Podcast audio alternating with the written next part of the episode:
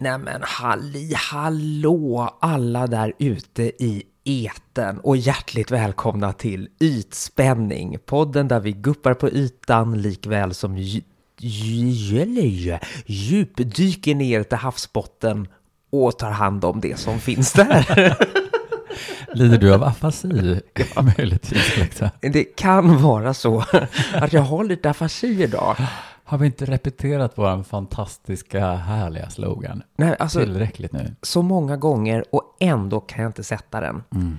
Men, men, vad gör man inte när man är en afasi eh, liten eh, flicka? Mm. Det Jo. kom tidigt för dig. Det kom väldigt tidigt för mig.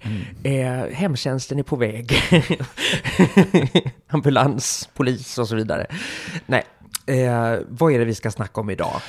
Oj, vi har packat det här avsnittet fullt med godsaker, förstår du. Ja men verkligen. Och det är ju du som har eh, packat det faktiskt. Du, det är som eh, vanligt så har du kommit med 10 000 toppenbra idéer. Ja, men du smickrar en Ja, gammal eh, bög du, va? Ja, en liten bög. Ja, ja, men... En eh, bögtjej smickrar en bög, men vad är det den här bögen har kommit på egentligen? Jo, men idag förstår du ska vi tala om produkter som helt enkelt ger en solkysst look, bronsar upp dig for the gods. Mm. Och sen ska vi tala om några av de böckerna som har berört oss mest av Ja. allt. Precis förändrat våra liv till och med, va? Ja, faktiskt. Tror jag att vi har sagt. Ja, vi, vi går på hårt alltså. Ja, vi går på hårt, verkligen. Och det, det var faktiskt en svår uppgift du gav oss där, tycker jag. För att eh, jag har tänkt och tänkt och tänkt, vänta nu, vilka böcker har egentligen Mm. förändrat mitt liv? Alltså jag tittade ju jättemycket på film när jag var liten. Mm. Och inte vilken film som helst. Jag tittade jättemycket på typ eh, så Lilla Fridolf och så här 50-60-talsrullar.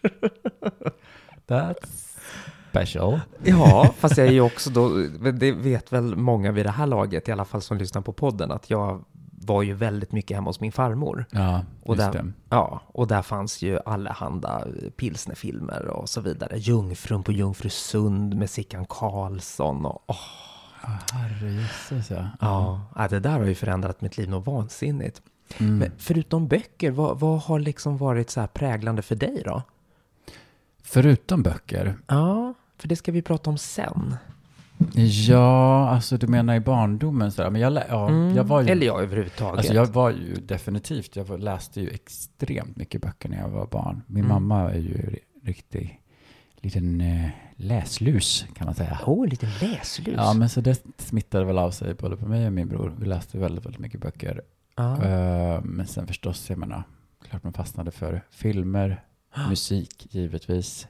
Mm. Det här var ju på en tid då jag fortfarande lyssnade mycket på musik. Det har ju jag, jag knappt aldrig i vuxen ålder sådär. Men eh, jag skapar desto mera. Vadå, du lyssnar aldrig på musik? Alltså jag kan typ tycka det är kul om det är fest eller så här, sätta på lite härliga hits som man vill dansa till. Men jag är inte någon som konsumerar så mycket musik, det gör jag inte. Nej men gud, det här är nästan lite eh, nyheter för mig. Jag trodde att du var en sån där som gick omkring med dina airpods och bara...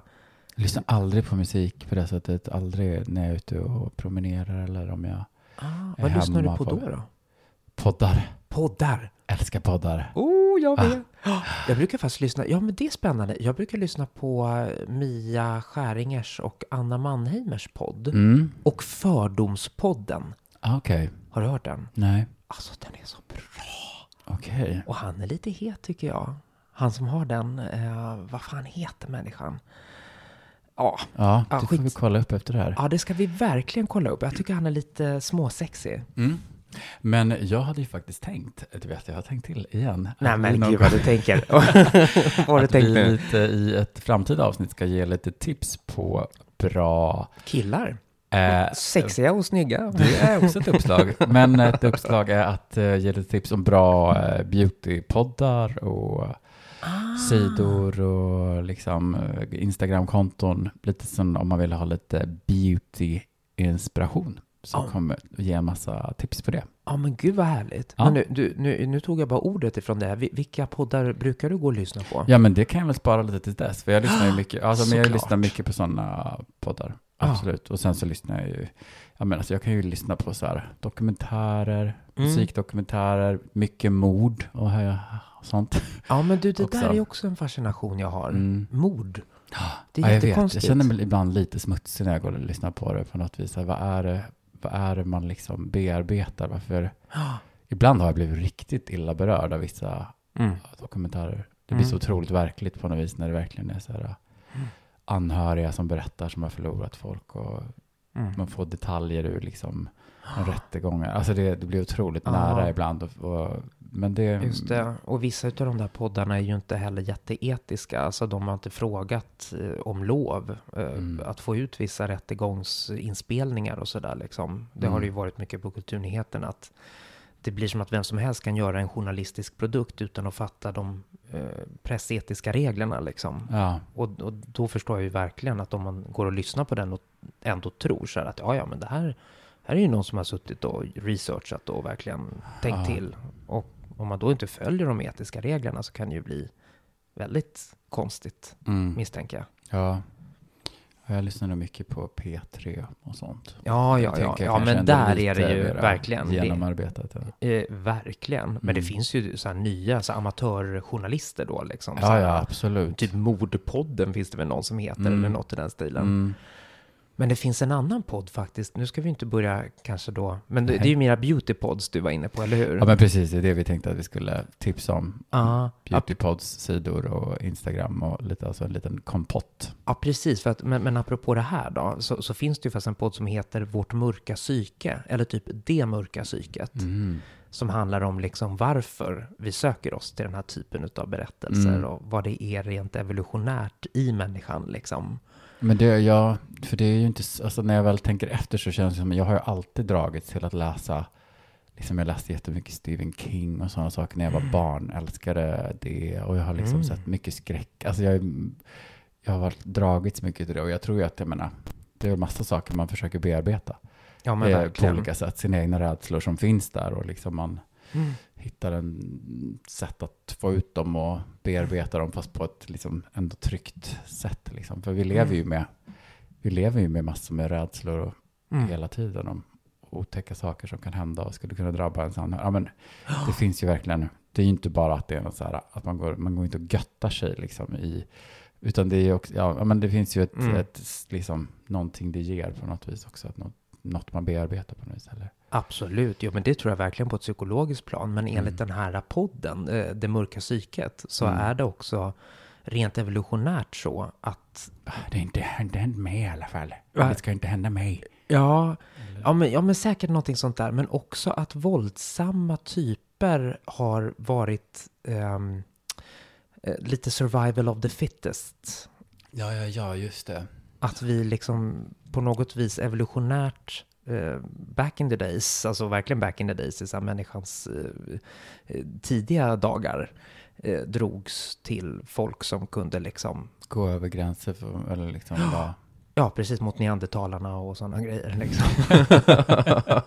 Speaking of books. ja, Det verkligen. läste jag mycket om neandertalare när jag var barn. När jag läste de här Är det sant? Hästarnas dal, Grottbjörnens folk, alla de här böckerna som bara liksom en, Oj då. Ja men en liksom porr, porrskildringar i stenåldersmiljö. Ja men det är väl också av en evolutionär sort misstänker jag. Att man liksom, både sex och död och Ja, mord. gud, där fick man ut mycket. Herregud. oh my god. Oh my god, men Ja. det är en annan podd. Ja, det är en helt annan podd. Nu känner jag att nu går vi riktigt djupt ner i eh, grumliga vatten här. Ja. Men eh, vi börjar väl med veckans ytspänning som vi har valt att döpa om till veckans ytspaning. Ja, här kommer den. Ah, här kommer den! Tjofaderull!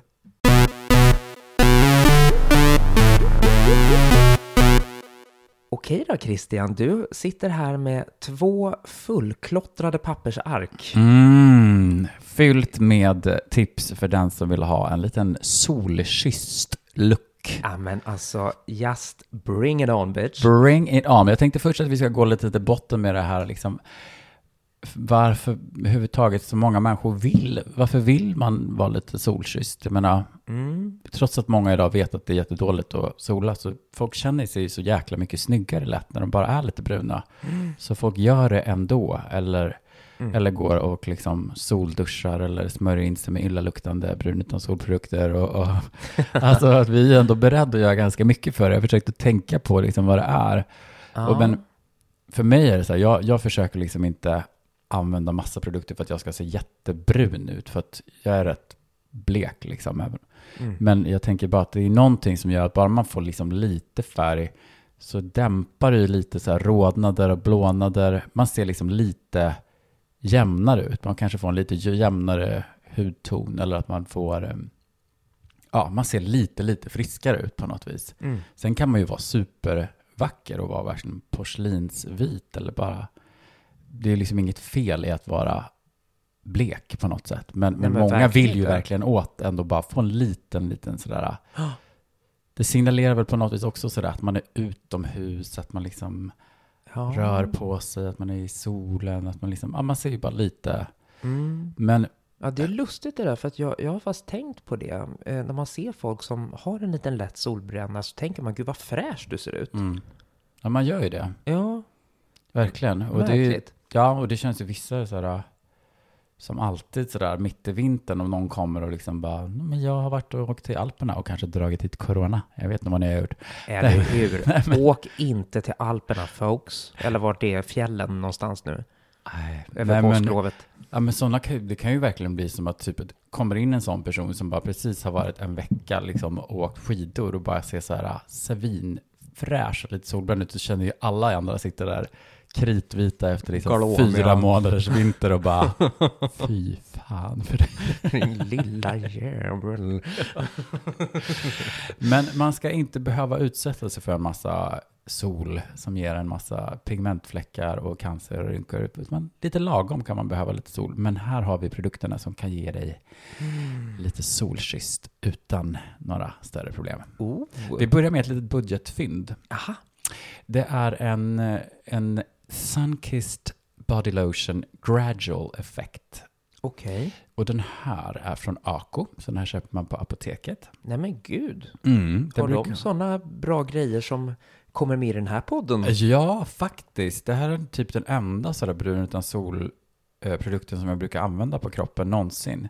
Och den är ju väldigt, väldigt liksom mild. Alltså den är som sagt en, en gradual, så att den liksom ger ju inte så här värsta färgen med en gång. Att du liksom, oj, shit, nu blev jag så här mörk-orange här. Utan den, Ja.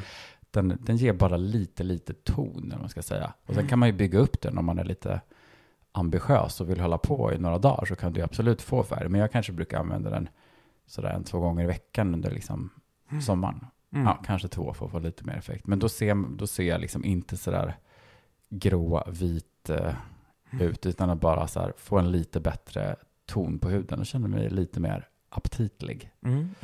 Problemet med alla typer av eh, brun utan solprodukter är att det här ämnet DHA, eller vad det heter, med det det som ger själva, har ju en speciell doft liksom, som inte Ja. är så jättetrevlig. Den luktar inte så gott alltså. Nej, men den här luktar liksom, eftersom det är så pass lite brun utan sol så luktar den inte jättemycket.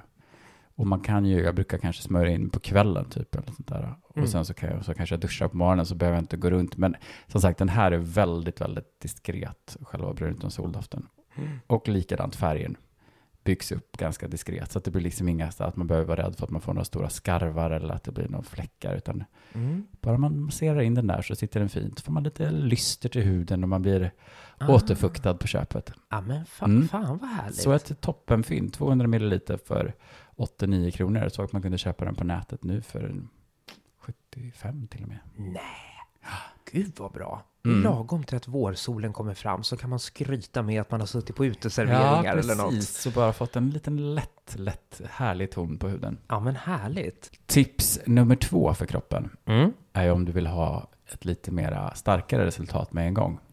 Och är beredd att liksom gå in i duschen, skrubba kroppen. Viktigt för att få en jämn färg, få bort alla döda hudceller. Mm. Dra på dig ett par handskar och sen kör du loss med Saint-Tropez Self-Tan Purity Water Bronzing Gel. Ooh, Mhm. nice name. Yes. Ja, men det här är eh, verkligen en stor favorit bland massor med skönhetsredaktörer och så här Bäst i test och Beauty Awards nominerat. Och, Oj. Eh, och så Men- den ska vara svinbra. Jag har inte provat den själv ska jag säga eftersom Nej, jag men- inte kör med så mycket. Nu, nu får du berätta för en novis själ som sitter mitt emot dig här. Eh, Vad menas med att man ska gå in med handskar och alltså är det någon sån här... eh, just det, det är ju en self-tan. Ja, ja, ja. Det Vadå? här är ju en Alltså, med- riktig brun utan solprodukt alltså. Ja, just det, du ska spraya på den. Ja, det här är ju liksom som en, eh, som en gel, eh, bronzing gel. Det finns ju det här vattnet också, bronzing face mist, som är liksom, Mm. ja, som är för ansiktet, så bara är ren mist liksom. Mm. Men, ehm, ja, den här, den här, att det är ju därför det är bra, kan vara bra att ha handskar till exempel, för att man, man kan ju få i handflatorna annars att det sätter sig liksom. Om man inte Ah, är ja, för riktigt noga med att tvätta bort fast liksom. Precis, Ordentligt. så det här sitter ju liksom ett tag. Ja, Men det är en gel så att det är ingen spray utan du liksom... Precis, det här ska vara en gel. Det finns en spray, men den är, den är till ansiktet. Ja, ja, ja, okej. Mm. Ja, och den är veganvänlig. Ja, vad bra för mig. Mm. Och den har liksom en, en väldigt sådär tropisk doft. Så att den ska inte lukta sådär av det här lilla illaluktande ämnet som jag nämnde. Som är det som, som ger brun utan sol. Utan Mm. det luktar ganska lite av det. Skönt. Ja, massa återfuktande ämnen och hyaluronsyra och aloe vera och härligheter. Mm. Så den kan man kötta på om man vill ha lite mer tydligt eh, resultat. Den är pretty expensive. Ja, det låter lite dyrt. Vad är vi inne Den för låg på klass? 499 kronor på Åhléns i alla fall. Jaha, ja men så dyrt var det inte då. Nu tänkte jag runt Jämfört med AK tusenlappen här. för... eh, Ja, ja, 89. 89 spänn. Ja, det är sant. Så ja, får vi säga att vi lämnar ett litet, eh, ett litet budgetfint som är lite mer försiktig, gradvis eh, färg. Och den andra är lite mera shabang alternativ om du vill att det ska synas med en gång rejält liksom. Mm. Och är beredd att casha lite mer. Ja, visst. Smakar det så kostar det. Japp, men vi drar oss uppåt eh, ansiktet förstår du. Ja, men vad härligt. För här har jag lite mera erfarenheter. Ehm, en riktig favorit är Clarence. Nej, men det här är Mm. härliga märket. Clarence. Clarence. Radiance Plus Golden Glow Booster. Aha. Face. Och Golden Glow. Det här är så otroligt bra produkt att jag fattar inte att det är någon tänkte på det redan för länge sedan. För det här är alltså som koncentrerade brun utan soldroppar som man blandar med sin egen produkt, dagkräm eller nattkräm.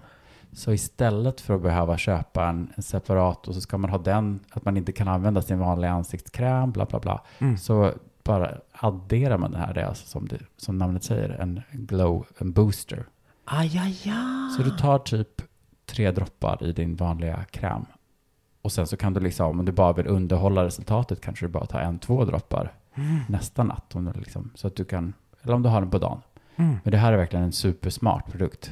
Ja, verkligen. Clarence är faktiskt rätt bra på att göra mycket smarta produkter. Ja, men verkligen. Jag har hört talas om eh, den här typen av produkter som man bara droppar ner i det man redan använder. Det låter ju väldigt praktiskt. Ja, och är man en liksom hudvårdsnörd som undertecknad så är det ju så här, man kanske inte jag vill ha liksom de krämer som funkar för mig. Jag har ingen lust att byta ut den här, de här nätterna för att utan det är så skönt att bara kunna använda sig av de produkterna som man verkligen gillar och vill ha och bara ha några droppar av den här boostern. Mm. Och det ger liksom en jättebra färg, helt naturligt, inget konstig. Som Orange. sitter kvar också då. Ja, du måste ju underhålla det förstås om du liksom, ja, så du kan ju använda det kanske. Säg att du använder det två dagar i rad för att få upp lite färg. Mm. Och sen kanske du använder det för tredje dag, någon gång bara för att liksom låta det ska stanna kvar. Men jag tycker att det räcker absolut med typ två gånger i veckan eller bara för att få bort det där lite sjukligt vita som lätt kan bli på sådana här bleknosar som dig och mig. Ja, som dig och mig. Ja, men då Fast har vi vi... har ju ändå en gyllene underton, det vet vi ju. Ja, det har vi. Men då kan vi få lite glow också då med. Ja. ja, men den är verkligen riktigt, riktigt bra. Och prisklass? Prisklass, jag kollade lite här på nätet. 300-350 kronor. Mm. Inte så farligt. Den är ju bara på 15 milliliter, men det ska ju sägas att det är ju en booster, så du använder ju bara några droppar. Mm. Så att den är dryg. Så att eh, det är verkligen ett superbra tips. Mm, den it. håller ett tag liksom. Ja, ja, absolut. Mm. Men nästa tips är den eh, liksom eh, brun utan sol-produkten för ansiktet som jag har använt mest i mina dagar och rekommenderat till väldigt många och som många har blivit väldigt nöjda med. Mm. Och det är Lancome. Lancome. Lancome Flash Bronzer Gel Face. Flash Bronzer. Ja, men den, den är verkligen jättebra. Det är som en gel. Liksom. Gel. Gel. En gel. Eh, och den ger verkligen, jag upplever att den är verkligen på sommaren, den ger verkligen mycket fukt liksom, till huden. Jag kunde ha den typ ensam liksom på natten. Eller så här, att den verkligen ger så mycket i sig. Det verkligen känns som en hudvårdande produkt. Mm. Och väldigt lätt att liksom smörja in den här liksom gelén. Och man, ja, man blir återfuktad, mjuk. Riktigt eh, bra, torkar snabbt. Mm. Så att, um, mm, I love it. Den men- ligger på ja, runt eh, 300-350. Okej, den också. Ja, Och precis. hur mycket var den på sa du? Alltså det här är 50 milliliter. Ja, ja, ja, ja. Då så. Mm. Så den håller ju Länge. Ja, absolut.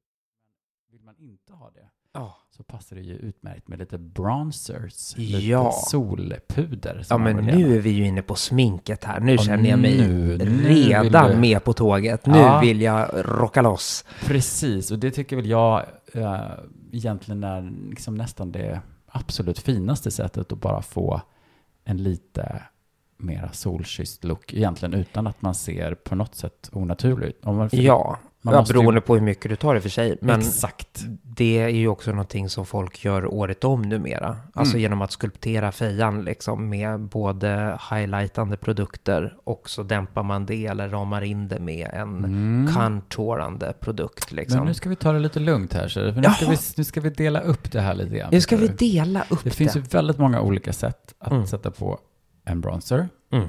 Jag vet inte varför solpuder känns lite så här 80-tal på något vis. Ja, men det var väl någonting man sa förr i Jag världen. vet, men det är också lite töntigt om man ska använda engelska ord. Bronzer. Ja, men precis. Men alla beauty gurus är inne på det nu. Då säger vi det nu. Bronzer. Vi, vi går med kidsen. Ja.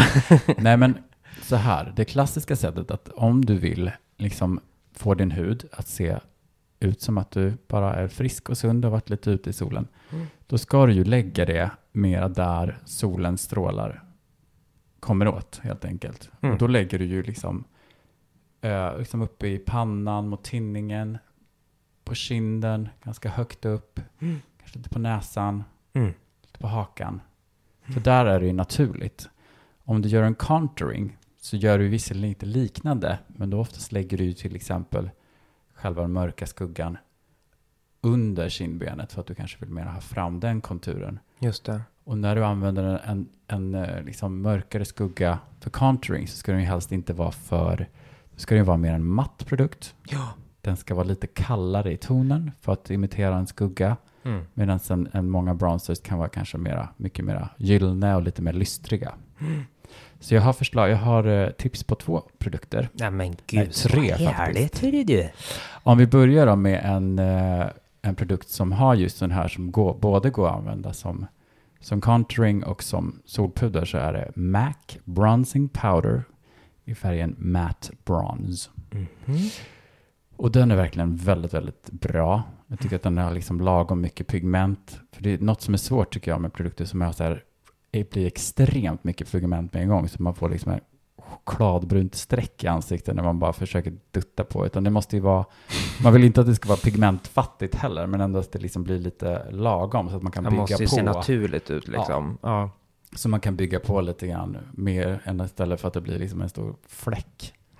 Så den här, ja men den är verkligen snygg och det här matta gör verkligen väldigt, väldigt eh, fint. Och det Mm. brukar jag lägga lite grann sådär som en trea liksom. Pannan, kindbenet, lite käklinjen, lite kanske vid sidan av näsan.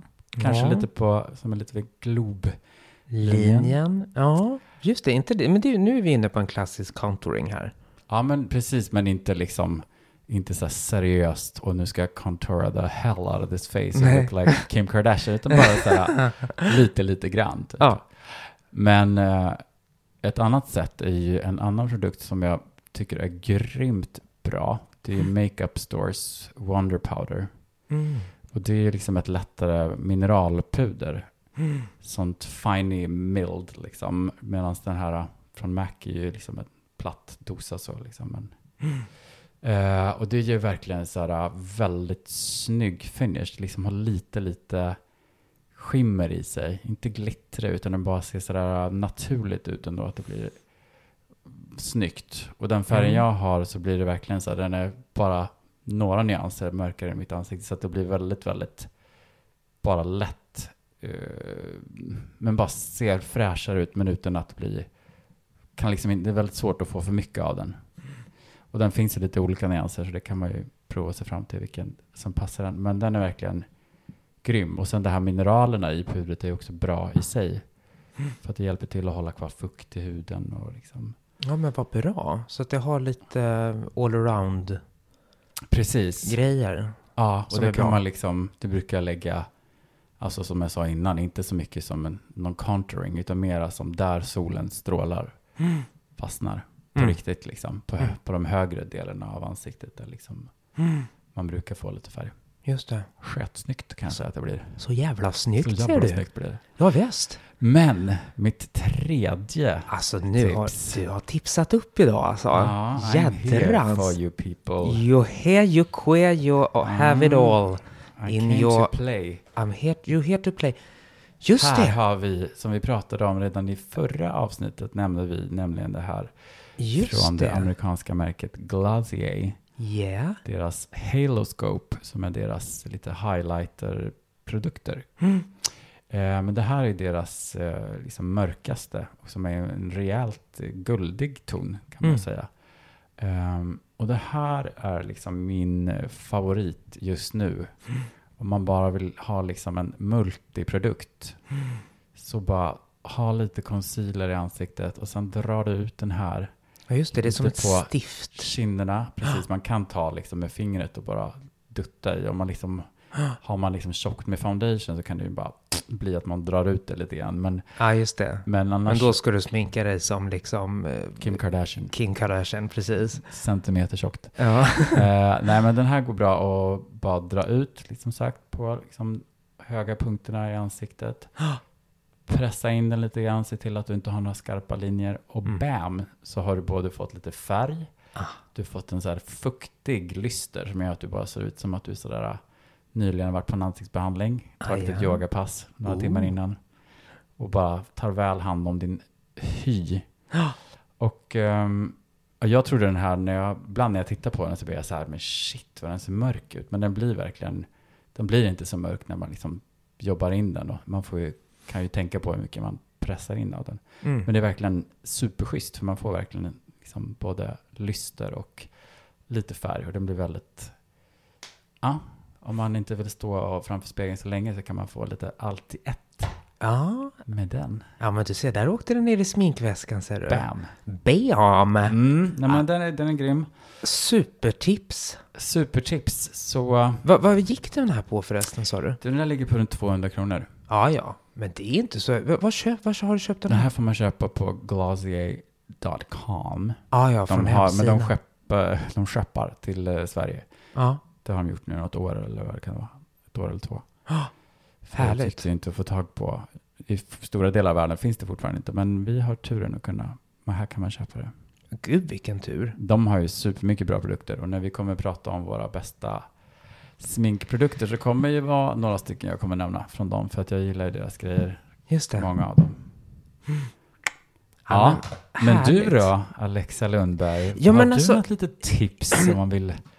Ja, nej, alltså, eh, ja, nej, så här är det. Eh, varje gång vi är i ytspaningen så, så tar jag hellre den frågande rollen för att jag eh, är inte, det det är inte min hemmaplan än. Nej, men ändå det här med smink är ju inte så... Ja, smink är min hemmaplan, absolut. Men, men just contouring och sånt där, det, det är jag fortfarande lite nybörjare på. Eh, jag vet hur man gör, men det är inte så att jag kan ge några supertips för, för någon som jag menar, sminkar man sig så kan man ju grunderna liksom sådär. Mm.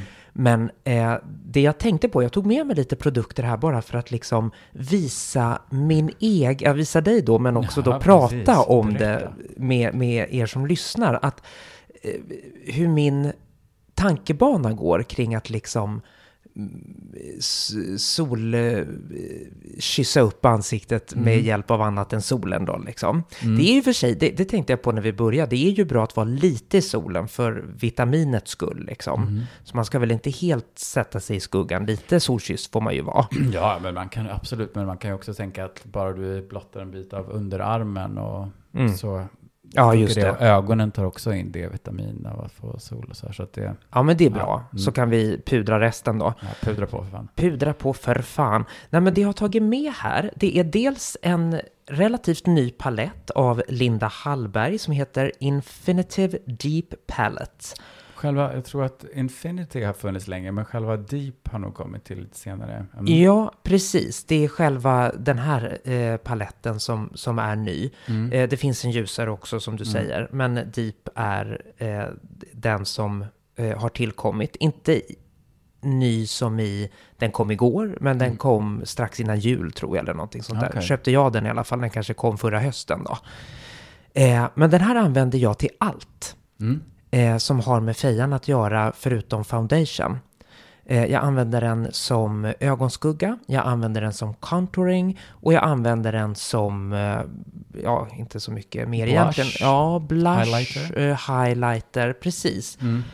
Det är ju supersmart om man liksom ja, ha en produkt och släpa med sig i väskan eller om man åker iväg på semester eller någonting som man inte behöver ta med. ja, men också rent ekonomiskt. Ja. Eh, för att, och det är lite så hon har tänkt, att man ska inte behöva ha 10 miljoner olika produkter, utan Mm. man, eh, ska du sminka fejan så ska det räcka med en palett typ. Älskar det tänket. Ja, jag gör också det. Och det som är så bra tycker jag, det är... För, för jag gillar ju inte heller, precis som du, när det liksom ser för mycket ut. Det Mm. finns ju liksom YouTubers, så här beauty gurus. Oh my fucking god. Alltså, Alltså, vissa... Contouringen, den syns till och med igenom ett... Alltså superlampor. Man bara, men alltså hur ser inte du ut i verkliga livet egentligen? Jag fattar inte. Och de lägger på liksom concealer liksom från näsan ut till tinningen i liksom tar slut på typ halva produkten. Ja. Alltså, I would look like shit och ha liksom så mycket, så mycket, man, krackel i hela ansiktet skulle man skulle se ut som man var liksom 102 år gammal. ja, men jävla björkstam liksom. Ja, men fan. Nej, det är jättesvårt att förstå. Jag menar, de har ju hårt ljus förstås i studion och sådär, men det är ändå så här, är det där dina bästa tips? Du ser ju helt... eh, ja, du Galen ut. Ja, du ser Ja, men- ut som en människa, du ser ut som... Ja men precis, för, för 99,9% av oss har ju sminket i liksom dagsljus liksom. Mm, mm. Det är klart att man kan dra på lite mer om man går på röda mattan eller sådär en liksom. klubb. Ja, en liten Mm, klubb ja. mörkt. Då kan man vara lite snyggare eller Mm. lite mera mm, på. Man kan ha lite mer fantasi. Man kan ju liksom, då kan man ju lite mer måla på ett ansikte lite mer som man inte kan göra i dagsljus om man inte vill se galen ut. Ja men precis. Men i eh, liksom vardagen så, Mm. så är det verkligen så jag jobbar. Liksom att jag har några foundations och jag har några paletter. Och liksom de paletterna jag gillar använder jag till i princip allt liksom. Mm. Jag har en annan palett här som också är helt, oh, I love it. Det, och det är verkligen inget, det här är inget tips. Jag tänker inte ens säga vad det är för någonting. Jag kommer bara säga hur jag jobbar, hur den här paletten Mm. ser ut. Mm. Det är liksom, där har de blandat en lite mörkare highlighter, en lite ljusare highlighter, en liten kaka bronzer, en liten kaka blush. Mm. Liksom. Mm. Och jag använder den här till allt. Mm. Eh, och det är verkligen inget speciellt märke, eller jag kan ju säga vad fan det är. Det är Sephora Snow Glow. Mm. Och Sephora är liksom deras egna märken, det är inget special. Nej. Men det funkar. Mm. Eh, liksom. Och det här är liksom, vad heter det då? Ja, titta, det heter faktiskt solpuder för dem. Mm. Pud, eh, poudre du soleil bronzer. Mm. Ja. Nej, men liksom, Mais oui. mais oui. Ja, men det är supersmart. Och du vet ju att jag tycker också att det är väldigt snyggt att ha rouge som ögonskugga. Ja, Det blir så här lite monokrom look att ha lite på ögonlocket och lite på kinden och sen har man lite, alltså det är väldigt, väldigt fint tycker jag. Ja, men precis. Och det där syns ju knappt. Nej. Alltså, när jag eh, drar runt det där i fejan, Mm.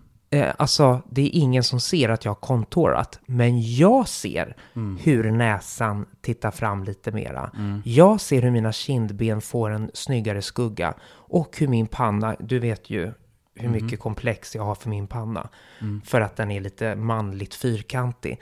Men hur den med hjälp av en enkel contouring med en vanlig palett, inget som ni måste springa och köpa, utan som funkar det så funkar det. Palett liksom. Ja, det finns många ja, olika märken har en typ sån här palett som kan vara en Exakt. blandning helt enkelt. Det kan vara väldigt värt att investera i. Exakt, och det är det som är mitt tips. Hitta en palett som inte behöver vara överdrivet dyrt. Men se till att så mycket som möjligt finns på den. Och att det liksom inte är så cheap så att det inte Noll. fäster på huden. Noll liksom, pigment. utan, nej. utan lägg ner lite pengar men inte överdrivet mycket. Och använd den till allt sen. Mm. Underbart. Bra tips. Och jag har faktiskt ett litet sista tips här också för att få en sån här riktigt, eh, om du vill verkligen se sådär, eh, jag har precis varit ute i solen och fått sådär, liksom verkligen nästan, på nästan blivit lite bränd. Det kan ju vara lite snyggt, det kan ju se ut som att huden nästan glöder lite inifrån liksom. Då har jag sett, en, det har jag sett flera YouTubers eh, som gör. Att du lägger helt enkelt, du kan lägga din vanliga, eh, din vanliga bronzer som du brukar göra. Eller så gör du det efteråt. Men du kan ta typ lite rött läppstift. Eller liksom en, ett, ett rouge som drar lite åt det röda hållet. Och bara lägger precis lite på kinden, på pannan, på de ställena där solen skulle ha kommit åt. Och så bara jobbar du in det här i huden. Det ska inte vara några linjer eller någonting, utan det bara får ut det här. Så blir det verkligen den här, det ser verkligen sådär glödande, lite varmt och det blir skitsnyggt. Mm. Ja men Mm. gud vad härligt. Ja, läppstift är en sån där produkt som man kan använda på många sätt. Liksom. Mm. Men, men det där är verkligen riktigt snyggt. Mm. Enkelt, but yet Funktionellt så funktionellt och snyggt. och vackert. Man behöver helt enkelt inte ha med sig jättetung necessär för att kunna göra Nej. allting. Utan som du säger, man kan ha en palett eller man kan ha som den här Glacier-produkten jag pratade om. Så du kan lägga lite på ögonlocken, du kan lägga lite på kinderna. Alltså du kan använda produkter på många sätt och det är väldigt kul. Och det tror jag Mm. många så här, YouTubers har inspirerat folk att kunna hitta olika sätt att Mm. Använda produkter som funkar för en själv och att man inte Mm. ska behöva ha allt. Du ska inte behöva köpa Nej. nytt, nytt, nytt hela tiden bara för sakens skull. Nej, men den här konsumtionshetsen liksom så här. Mm. När det, ja, men, för det är ju verkligen så de jobbar, de olika företagen såklart. Ja, ja, Jeffree Star typ som kommer ut med nytt så här varannan, var tredje månad så bara reveal och så kommer en ny palette och sen så är det nytt och sen merch, merch, merch och sen så Mm. this is the best thing I've ever done. Ja, men- ja. Precis, och alla hans followers bara ja, gud, jag måste ha den här, Ja. jag bara måste. Och så, varje gång liksom, man Mm. bara mm, nej, du måste inte det. Nej, det är en palett. Den hade två andra färger. Liksom. Ja. Ja, nej, men det, det kan bli lite... Det är klart att det kan vara kul att unna sig saker som är vackra. Som man har, men det är någonting lite äckligt över när det blir sådär hela tiden bara... Råkapitalism. Ja, Mm. det gillar vi inte. Nej, det gillar vi inte. Så eh, investera gärna, men investera klokt och eh, Och ha kul, lek med det. Ja, lek med det. Och eh, lite funkar till mycket. Japp. Nu. Går vi vidare. Tack. Hej!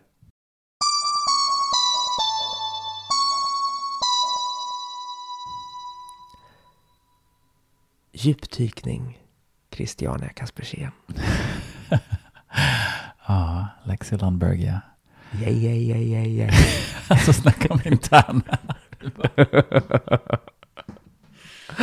Ja, hur eh, kom du fram till den här idén egentligen om jag får fråga dig? Jo, jag kom faktiskt fram till den här idén efter vi hade pratat om Lena Nyman. Där Mm. Så tänkte jag att vi båda verkar ha tyckt väldigt mycket om den boken. Och att, vi liksom, och att den har talat till oss på något sätt. Och då började jag tänka på mera vilka böcker som Mm. har betytt någonting. Och jag har som sagt själv läst väldigt, väldigt mycket. Ja. Jag var liksom en riktig sån. Läste sjukt mycket böcker när jag var barn framförallt. Ja. Min, mitt läsande har ju tyvärr verkligen, det har ju gått ner sen jag fick en iPhone. Jag kan verkligen se att det var då jag började läsa mindre. Mm. Innan kunde jag liksom sitta och läsa på tunnelbanan och på resor och alltid på kvällar. Ja, men du vet, Mm. mycket, mycket mer. Men eh, Ja, det var mer naturligt förut. Ja, men jag har faktiskt, eh, jag försöker att liksom sluta hålla på med, med telefonen på kvällarna, utan jag bara Ja. ligger och läser. Och så här. Jag känner att jag faktiskt börjat sova bättre. Ja, jag håller med Mm. dig. För att Mm. det är ju någonting som sätter igång arbetshjärnan när man ser någonting på Facebook. Så man bara, ah, det där skulle man ju kunna göra någonting Ja, det på. stimulerar eller- överhuvudtaget. Det är bättre att liksom gå in i en annan värld på det sättet som en bok kan göra och liksom förlora sig själv i det och så blir man trött på ett annat sätt än att man Exakt. klickar Facebook, Instagram, det, dutt, dutt, läser det och googlar det. Ja, precis. För det, Det är är ju oändligt. Nej, Nej. verkligen inte. Och det är ju som att eh, det, det kommer hela tiden pushnotiser och sådär. Så man blir hela tiden störd. Mm. Även om man typ läser i telefonen, alltså via Ja. någon e-bok eller sådär. Det är helt värdelöst. Don't. Nej, nej, det är svårt tycker jag att låta bli. Men det är bra, verkligen, jag försöker nu för tiden. Mm. På kvällarna. Mm. Ja, men då tänkte jag fast att jag skulle börja. Mm, absolut. Med- Gärna. Ja, jag berättade ju för dig när vi promenerade på Djurgården så, så vackert häromdagen. Mm. Eh, eh, om, eh, för det var faktiskt den första boken jag kom att tänka på när du sa det här. Mm. Att eh, kan vi inte prata om böcker som har påverkat oss i Mm. våra liv? Mm. Eh, då kom jag att tänka på en bok som jag inte alls vet hur den står sig i någon form av prestige eller status eller sådär. Men det här var en bok som präglar hela min barndom. Mm. Och den heter Fredsboken. Eh, Den kom ut 1981 i Sverige eh, när jag föddes. Så att jag misstänker att det är därför den har präglat så mycket. För att mina föräldrar köpte väl den då och hade den liksom. Mm. Eh, Och när jag började kunna läsa så fick jag den av min pappa. Det är liksom en liten anspråkslös pocketbok. Och nu har jag googlat lite om vem det är som har skrivit den. Och det är en författare och forskare som heter Bernard Benson.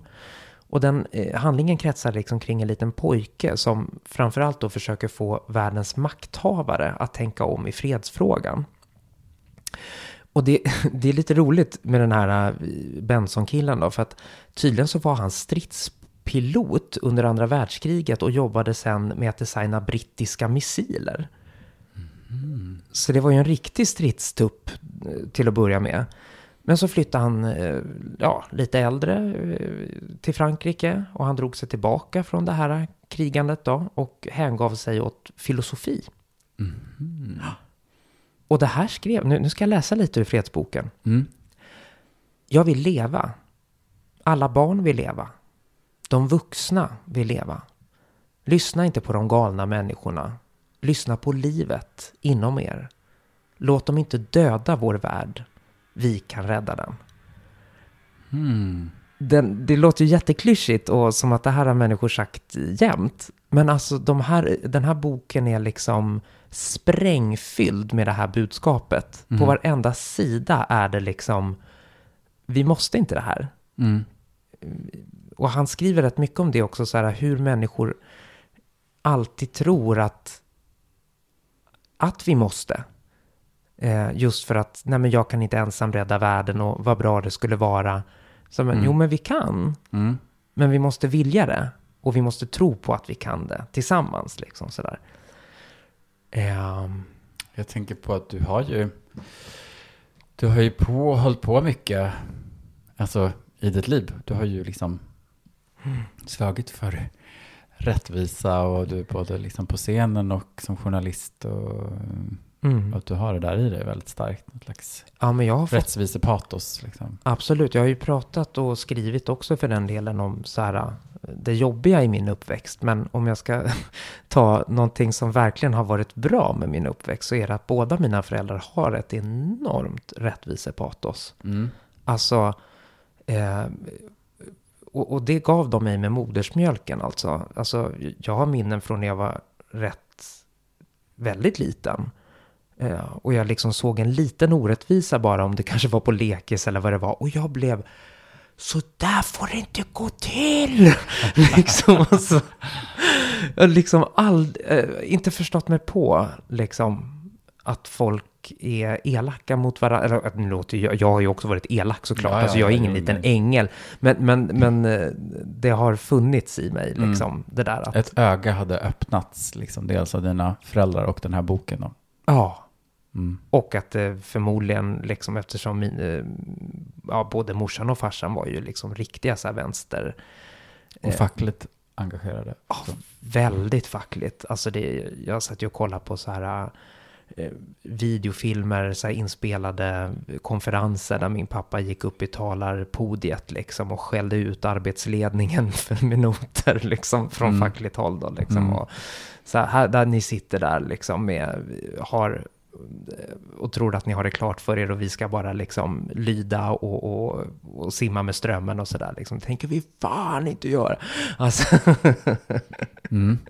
Ja, men det är ju väldigt mycket det där, liksom ingen människa eh, ska stå över en annan människa eller eh, det är klart att vi kan ha olika roller i en hierarkisk, eh, men, då ska liksom de här rollerna spela ett syfte som är bra för det, the common good liksom. Mm. Mm. Så. Mm.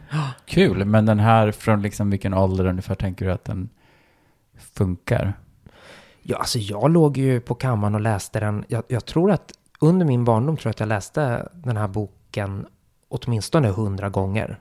Mm. Alltså jag bara läste om och läste om och läste om. Och det finns en scen i den här boken som är lite så här nyckelscen. När den här lilla pojken då eh, lyckas ta sig in eh, i en tv-studio liksom, som direkt sänds över hela världen. Den är ju väldigt fiktiv liksom, såklart. Eh, Jag menar i dagens samhälle skulle det ju inte gå att nå alla genom att gå in i en tv-studio. Men i den här världen så gick det. Mm. Och han ställer sig framför den här kameran och liksom fäller en liten tår. Eh, över liksom, över världens ondska. Mm. och, eh, och, och det blir liksom droppen som får bägaren att rinna över liksom. Alla börjar lyssna. Eh, och världen börjar samarbeta efter det liksom. Mm. Så den är ju väldigt ideologisk och den är ju också väldigt eh, utopisk liksom Mm. så. Ja, men det behöver vi ju också Ja. på något vis. Vi kan ju inte bara... Ja, vi kan ju inte bara se verkligheten så krass som den faktiskt är. Då, Eh, det skulle ju ingen... Det skulle ju vara fruktansvärt svårt att våga förändra eller liksom ens börja försöka. ja, För det har ju ändå hänt i världen i och för sig att det har kommit personer som har ja, och rörelser som har ändå Mm. förändrat jätte- jättemycket. Greta Thunberg kan man tänka på. eller hur? Ja, men hon är Mm. ju verkligen en sån som har gått in i en tv-studio och bara, men vad håller vi på med liksom? Mm. Vad håller ni på med? Som har liksom... Ja, också- Ja, Mm. precis. Ja, hon är ju 16 år. Men alla Ja. vi andra då, som, Mm. som är myndiga, liksom, att, eh, Mm. vad, vad håller vi på med? Liksom? Ja, För jag är ju verkligen, idag är ju jag, jag, jag tror verkligen att eftersom jag läste den så om och om, om och om igen som barn, så, så måste det ju liksom ha drabbat någonting i mig. Alltså Mm. här, det, det kan inte vara så här, vi måste göra någonting åt det liksom och sådär. Mm. Men ju äldre man blir, desto mer förstår man om livets komplexitet, man förstår hur svårt det är att förändra. Gud, ja. Mm. Ja, och nu är man här 38 bast och liksom bara, mm, jaha. Eh, nu är jag en av de där som bara å ena sidan och andra sidan och det är inte så lätt och liksom sådär va. Nu Mm. är man inte längre det där. ah. Ja, det, jag vet inte om man ska se det som utveckling eller eh, avveckling. Men ja, Mm. Ja, det var den. Ja, vi har ju flera böcker så vi ska inte fastna allt för mycket i varje. Vad, vill du ta över med? Ja, men jag tar över med en helt annan typ av bok, Mm. kan man väl lugnt säga. Härligt. Eh, det är... eh, Det är boken Andarnas hus av jag Isabella Allende. Mm. Den var hennes debutroman, släpptes 1982. Mm. Och det här är ju liksom lite grann av en så släktsaga, kan man ju säga. Mm. Eh, och jag har ju överlag, alltså jag gillar ju, älskade sånt när jag var barn, så här mäktiga liksom, så här storslaget, sorgset, eh, häftigt liksom. Mm. Eh, det, det är någonting med språket i Andarnas hus och liksom det som är så otroligt, otroligt bra. Eh, och hon, det är ju skrivet i liksom i eh, magisk realism, brukar det ju kallas den, som, Mm. som ju, ja, vad heter han då, som skrev 100 år av ensamhet? Eller? Gabriel Garcia Marquez. Nej, jag kommer inte ihåg. Mm, Eh, vi ska inte prata om, men eh, det, det är lite i den eh, traditionen i alla fall som, som är väldigt typisk för, för en syd, eh, eller det kom ett gäng som hade den här stilen. Mm. Det är på något vis väldigt det här som jag också dragits till supermycket liksom. I den här världen så liksom finns ju mycket andar som lever parallellt med liksom de här människorna. Och eh, ja, oerhört häftigt. Men i centrum av den här berättelsen så står ju då en, i bokens början, Esteban Trueba. Han är liksom ganska fattig. Efterban. Esteban. det säger man inte i Sydamerika, då läspar man inte på S'n. Ah, ja, ja, okej. Eh, och det här land, det utspelar sig ju liksom i ett, det nämns ju inte vad det är för land, utan det, man, det är någonstans Sydamerika, men hon är ju själv uppvuxen i Chile, men fick ju fly därifrån, Mm. som skrev den här boken när hon liksom inte eh, var i Chile längre. Mm. Eh, eh, och ehm, eh, ja, men han är verkligen en streber som verkligen vill komma någonstans i världen och är trött på De har liksom levt fattigt och varit liksom en jävligt hemsk uppväxt. Och han är liksom, han är otroligt beredd att göra vad som helst för att få sig ett annat liv. Och det får han. Och han är väldigt grym. Han är väldigt eh, fruktansvärt osympatisk på många sätt. Mm. Men så handlar det ju, han är ju liksom en liten, i mitten av berättelsen, för ju, handlar ju framförallt om de kvinnorna som finns i hans liv. Först den första han ska gifta sig med, och sen så gifter han sig med hennes syster, och sen så får de barn, och sen så får han barnbarn. Så det skildras liksom en lång eh, släkthistoria eh, och liksom en utveckling i det här landet där han strävar efter att bli president eh, Mm. i slutet av sin levnadsbana. Ja, ja, ja. Och eh, han får sig en rejäl, ja, förändras som människa helt enkelt av allt fruktansvärt som händer. Det utbryter revolution i landet och sådär. Ah.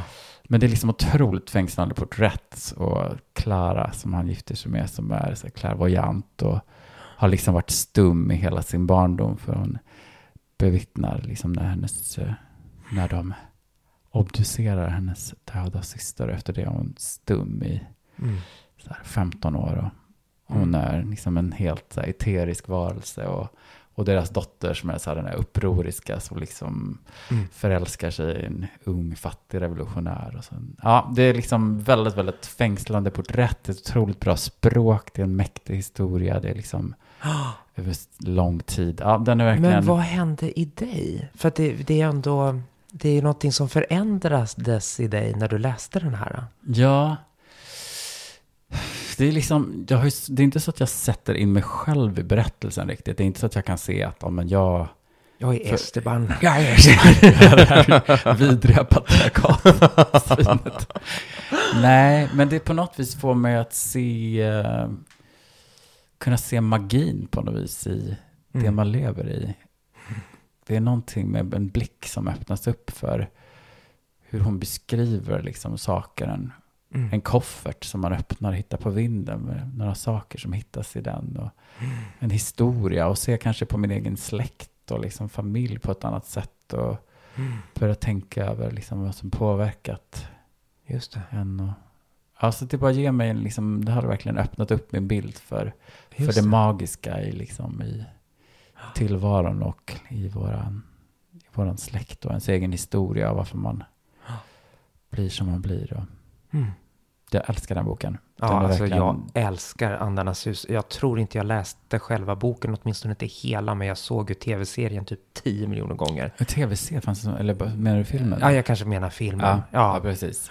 Den ska sägas att jag, jag såg, jag tror faktiskt att jag faktiskt såg filmen först och sen läste boken och sen läste Ja. jag boken igen. Och sen gick det ett tag, sen läste jag boken igen. Ah. Och sen läste ja, men jag har läst den här boken massor med ja gånger. du har också liksom Ja, ja. malt den. Jag har malt den. Det öppnade någonting det där alltså. Ja, nu var det ganska länge sedan. Men, ehm, Finns det någon så här kärnmoral, någon så här som det landar i? Det här tar jag med mig när jag läst den liksom. Um, så lite grann gör jag ju det för att eh, alla, alla onda handlingar som, som Esteban begår får han ju äta upp liksom. Mm. Det är ju totalt liksom, fast det drabbar ju då förstås hans barn, barnbarn och liksom, Mm. han får verkligen lära sig The hard way. fruktansvärt liksom, lidande. Och för det han har utsatt andra för. Han har liksom Mm. begått våld och våldtäkter och betett sig som svin mot andra människor. Och han får verkligen... Eh, ja, Leva, leva om det, höll jag på ja säga. precis. Han Mm. får liksom se och känna med egna ögon Mm. hur eh, det kan gå. Mm. Nej, Ja. men det, den är liksom en... Mm. Det är så göttigt att komma in i den världen. Det är liksom... Det är bara allting, hur saker och ting beskrivs, vad de liksom Mm. äter och dricker och hur det ser ut och Mm, vad som mm, händer och Och deras det är det relation. bästa det där. Ah, det är så himla häftigt. Ja, men love it loud. Love it loud. Vad har du nu för bok nummer två? Ja, alltså gud, vi är så ambitiösa här. Vi har ju liksom gått in, jag har med mig tre böcker här. Det kommer vi inte hinna. Nu får du ta nummer två. Ja, vi, vi börjar med nummer två så får vi se eh, hur Mm. långt det räcker. Men alltså det, det här, den här boken, ja, det, det, det är lite samma spår märker jag som Fredsboken. Alltså det är något sånt här, eh, det, kan bli vansinnigt allmängiltigt men det är ändå så träffsäkert. Det, Mm. är, det jag snackar om är eh, Tisdagarna med Morrie förstår du min kära vän. Har du läst den? Jag tycker titeln låter bekant, men nej, jag tror inte det. Berätta. Alltså det här är, ja det, det är inte konstigt om du känner igen den, för det här, eh, den var etta på New York Times bestsellerlista, det liksom alla läste den när den kom. Eh, jag kommer till och med ihåg på gymnasiet, så min gymnasielärare i teater, liksom, och han snackade om den här hela tiden. Men det tog mig flera år efter det då, liksom som vuxen, att läsa den. Men när jag läste den så bara, ja, det här är sant. Mm. För det, det handlar ju om, eh, han, Mitch Album heter han då som har skrivit. Eh, och det är liksom, han är journalist och eh, hans professor i sociologi eh, får en nervsjukdom. Jag minns inte om det är MS eller ALS, men han är alltså på väg mot en, så sakteliga mot sin död. Liksom Mm. så. Eh, och han beskrivs som någon som var en helt fantastisk lärare redan då, liksom. Eh, när, när den här Mitch då gick på universitetet där han undervisade. Och de fick en väldigt fin och speciell kontakt och så bestämde de att vi ska inte tappa den här kontakten, jag ska höra av mig. Eh, min kära professor, sa den här Mitch då, men det tog 20 år för honom att faktiskt ta upp kontakten igen. Och det var när han fick reda på att hans lärare var på väg att, att dö. Han hade Mm. sett honom på tv eh, prata om sin sjukdom. Så. Eh, nej men så att det här är liksom egentligen ett reportage ifrån liksom deras då sista möten eh, som det blev. Han kom varje tisdag till Mm. Morrie då som han heter. Eh, därför den heter Tisdagarna med Morrie. Och Mm. liksom pratade om, om livet. Vad, vad är livet? Alltså varför ska vi fortsätta leva? Eller liksom vad är det som är viktigt? Mm. Och han ville verkligen att Morris ska svara på det. Liksom. Alltså vad, när du står inför döden här, liksom, du sammanfattar ditt liv. Vad, vad är Mm. meningen? Liksom, så här, vad, vad är viktigt? Liksom? Mm. Och eh, han är ju en tänkande person redan innan. Liksom, så att det han säger, ja, nu känner jag mig klyschig igen, men alltså, det är så träffande. Mm.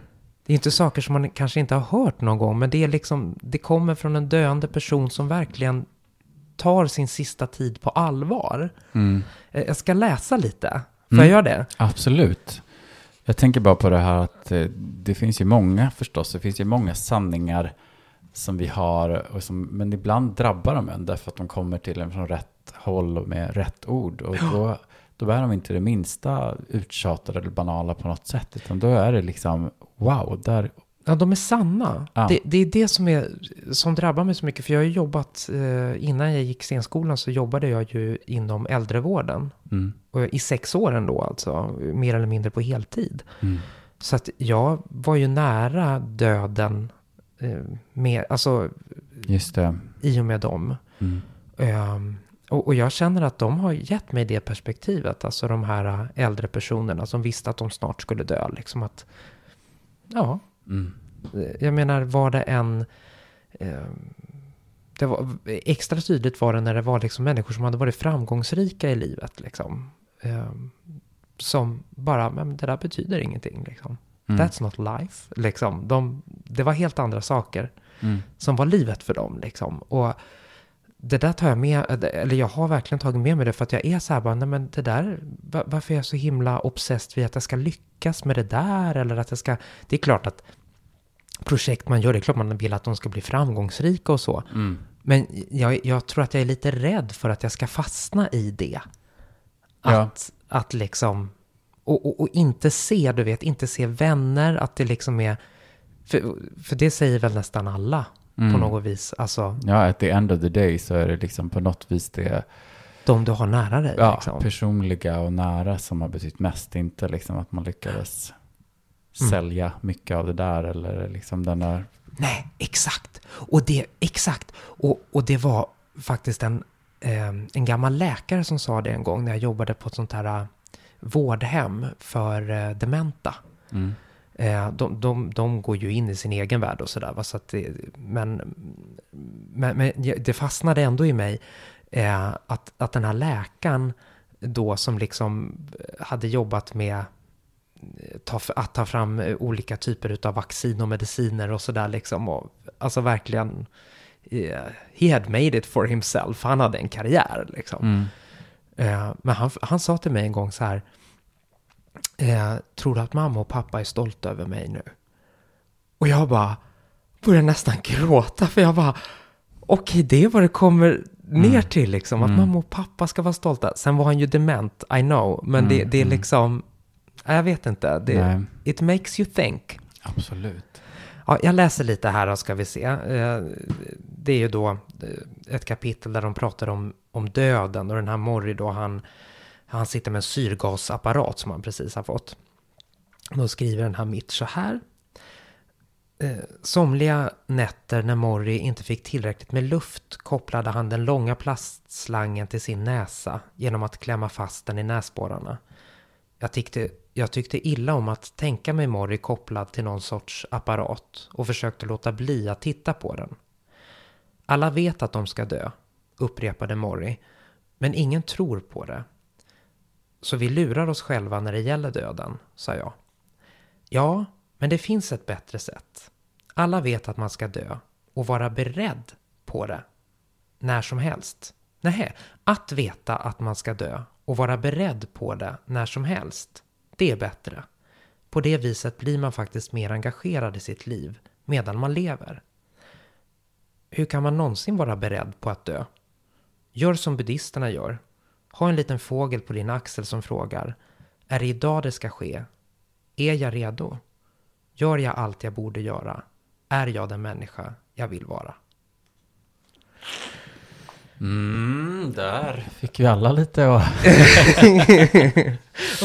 Ja, men, här, ja, nej men alltså, Mm. det är liksom, alltså läs den här boken verkligen. Mm. För eh, när man bara läser ett litet utdrag så kan det ju bara, ja, ja, fint, eh, tack, Mm. nu går vi vidare. Nej. Men liksom, när man har fått med sig liksom hela det här Mitch perspektiv på sin gamla lärare liksom, och visdomarna som han kommer med så, ja, jag vet inte, jag, det, det, det, det har varit en liten Mm.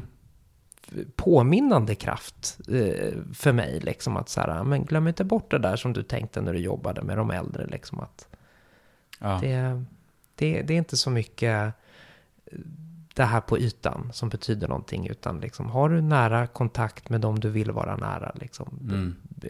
tar du hand om dem och liksom, vårdar du relationerna som du vill ha i ditt liv. Liksom, Mm. sådär. ja, jag känner att jag vill läsa den. Mm. Ja, bra. Mm. Bokklubb har vi här, en bokcirkel. Japp. Vad har du? Jo, bok nummer två Mhm. eh, från mig är eh, Laterna Magica av Ingmar Bergman. Ja, men nu vet du. Nu vet du, den här boken är en annan bok som jag också är sådär, varit besatt av liksom, och läst otroligt många gånger. Mm. Ehm, det är ju liksom fascinerande att läsa en person som Ingmar Bergman, en ganska omdebatterad eh, människa Absolut. eh, förstås, som ju i den här boken också berättar om sitt liv från sin barndom som innehåller ganska mycket trauma och liksom en, en ganska våldsam pappa och ehm, ja, han har alla möjliga svårigheter. Den innehåller mycket berättelser om liksom, teater och skådespeleri förstås, vilket Mm. jag är väldigt intresserad av. Tycker Ja. det är superintressant. Eh, och den berättar förstås också mycket om, jag har ju en av de första filmerna som jag minns från barn som jag liksom blev helt fängslad av var ju Fanny och Alexander. Eller den gick då som en, jag såg väl den som en miniserie i tre delar. Så. Och den är, jag tycker den är totalt mästerverk. Och återigen, där finns det ju faktiskt den här magiska realismen som jag verkar liksom lockas in i väldigt mycket. Det finns ju Ah, mycket av det inslaget i... Det kommer fram ett mönster här. Ja, jag vet. Och jag tänkte faktiskt på det. Ingmar Bergman är ju på något vis också ganska mycket liksom ett, ett svin. Eh, Mm. Han har ju verkligen skilt sig, gift sig, skaffat barn, svikit alla och börjat om igen och skilt sig, gift sig. Och, och, alltså det, han har ju skapat en fruktansvärd massa oreda i människors liv. Och eh, på något vis är det där det är otroligt fascinerande att läsa om en människa som har betett sig så fruktansvärt illa. Mm. Jag är otroligt känslig själv, själv och kan liksom bara, oj, men kan den här personen ha uppfattat det så? Eller är Mm. väldigt orolig för att på något vis eh, liksom göra något fel, eh, såra människor. Han har ju verkligen levt Tvärtom kanske. totalt tvärtom. Och sen ändå mot slutet av sitt liv kommit till en viss insikt om vissa saker. Och hur fan ska man kunna hantera det? Om man på riktigt börjar inse att shit, jag har betett mig som, ett, som en helt vidrig människa stora delar av mitt liv. Och förstört så otroligt många relationer. Och han har ju liksom berättat, han skriver ju om hur han drivs av liksom enormt mycket ångest och liksom Mm. försöker fly in i sitt arbete och skriver liksom hur många filmer som helst, regisserar hur många, alltså bara mörsat på mycket i sitt liv liksom. Mm. Men det är ju oerhört, han har ju också ett otroligt fantastiskt språk. Mm. Det är ju så vårdat liksom. Det är ju verkligen som sagt, Ingmar Bergman är ju inte en person som sitter och äter frukost, han frukosterar. Mm. Han frukosterar. Och växer upp ändå i det här, äh, liksom, ja, hans pappa är ju präst, men hans mamma kommer ju från en lite mer överklassbakgrund och hans mormor och sådär. Det är ju, det är liksom, det är jättefascinerande att komma in i den här världen liksom tidigt 1900-tal. Ehm, och han beskriver det ju liksom så otroligt, han är ju en total nostalgiker liksom. Och han Mm. minns ju liksom i alla fall liksom sin barndom, man kan minnas liksom så här sjuka detaljer. Liksom. Han minns allting med ett otroligt skarpt öga. Och han är skoningslös i sitt berättande om sina egna Mm. svagheter och sina fulaste tankar. Och liksom på något vis är det någonting som är lite frigörande att komma så nära någon. Men samtidigt finns det den här elegansen liksom i språket. Mm. Mm. Och sen det här äh, liksom otroligt fascinerande. Jag älskar ju det där äh, liksom med all form av konst, liksom med teater på det sättet. När man liksom regisserar en scen och bara ställer upp så här, gör så, där går du dit, sen går du fram där och sen när man liksom, varsågoda, och så sker magin Mm. framför ögonen. Mm. Det är den där magin jag vill åt. Alltså det där Ja. när man liksom... När det där, ah, när det plötsligt händer. Det finns otroligt mycket jobb bakom det, precis när man håller på med, med teaterskådespeleri, med eh, att skriva musik, att framföra saker. Men när, Mm. det är liksom den där ah, arbetet före och när sen magin Releasen uppstår. kommer. Mm. Det är liksom ett tema i mitt liv Mm. som jag, och jag tycker att Laterna Magica är en helt fantastisk bok oavsett vad man eh, som sagt tänker om Ingmar Bergman, om han var ett geni eller inte, så är den här boken otroligt välskriven och intressant. Och den är otroligt mycket om också om eh, ens relation till sina föräldrar. Mm. För han berättar ju otroligt mycket Ja, han hade en riktigt tuff barndom. va? Ja, det var det ju på många sätt. Och ehm, jag tror att hans syskon, för mig att han, det finns en intervju med hans bror som liksom tycker att nej, så var det inte alls. Han var ju han var inte alls så illa. Ja, men du vet, det är också väldigt subjektivt hur man uppfattar sin barndom. Det märker man ibland när man skrapar på ytan. Att sådär, nej men min pappa hade så svårt för mig. Eller den här, så här, nej men oj, han framhävde ju alltid dig framför mig. Alltså vet hur vi Mm. uppfattar vår egen barndom. Ja, men det, jag tycker det är otroligt intressant med hur vi formas av våra relationer till Mm. våra föräldrar och de nära oss och vad det skapar. Och, och det får man ju verkligen, han djupdyker ju otroligt mycket i de relationerna. Man får små nycklar till vad som har drivit honom liksom i, Ja, verkligen. eller kraftiga nycklar kanske. Ja, ja, ja, absolut. Han berättade om sådana här otroligt tabusaker, hur han minns hur han liksom tog en kudde och skulle försöka kväva sin liksom, lilla syster. Och, Ja, men just det. Ja, nej men det, det, det är bara, ja, intressant. Läs den Ah, och njut. och njut. Mm. Ja, vad härligt. Hörru du, eh, tiden har ju sprungit ifrån oss här så att Mm. eh, vi hinner ju inte med resten av böckerna som bara ligger här och göttar sig. Ja, men precis. Det finns väl Men- kanske anledning att någon gång plocka upp temat igen. Ja, men det tycker jag. Kan jag bara få, innan vi säger tack och hej för den här gången, Mm. nämna att jag faktiskt också har med mig Susanne Faludis Mörkrummet.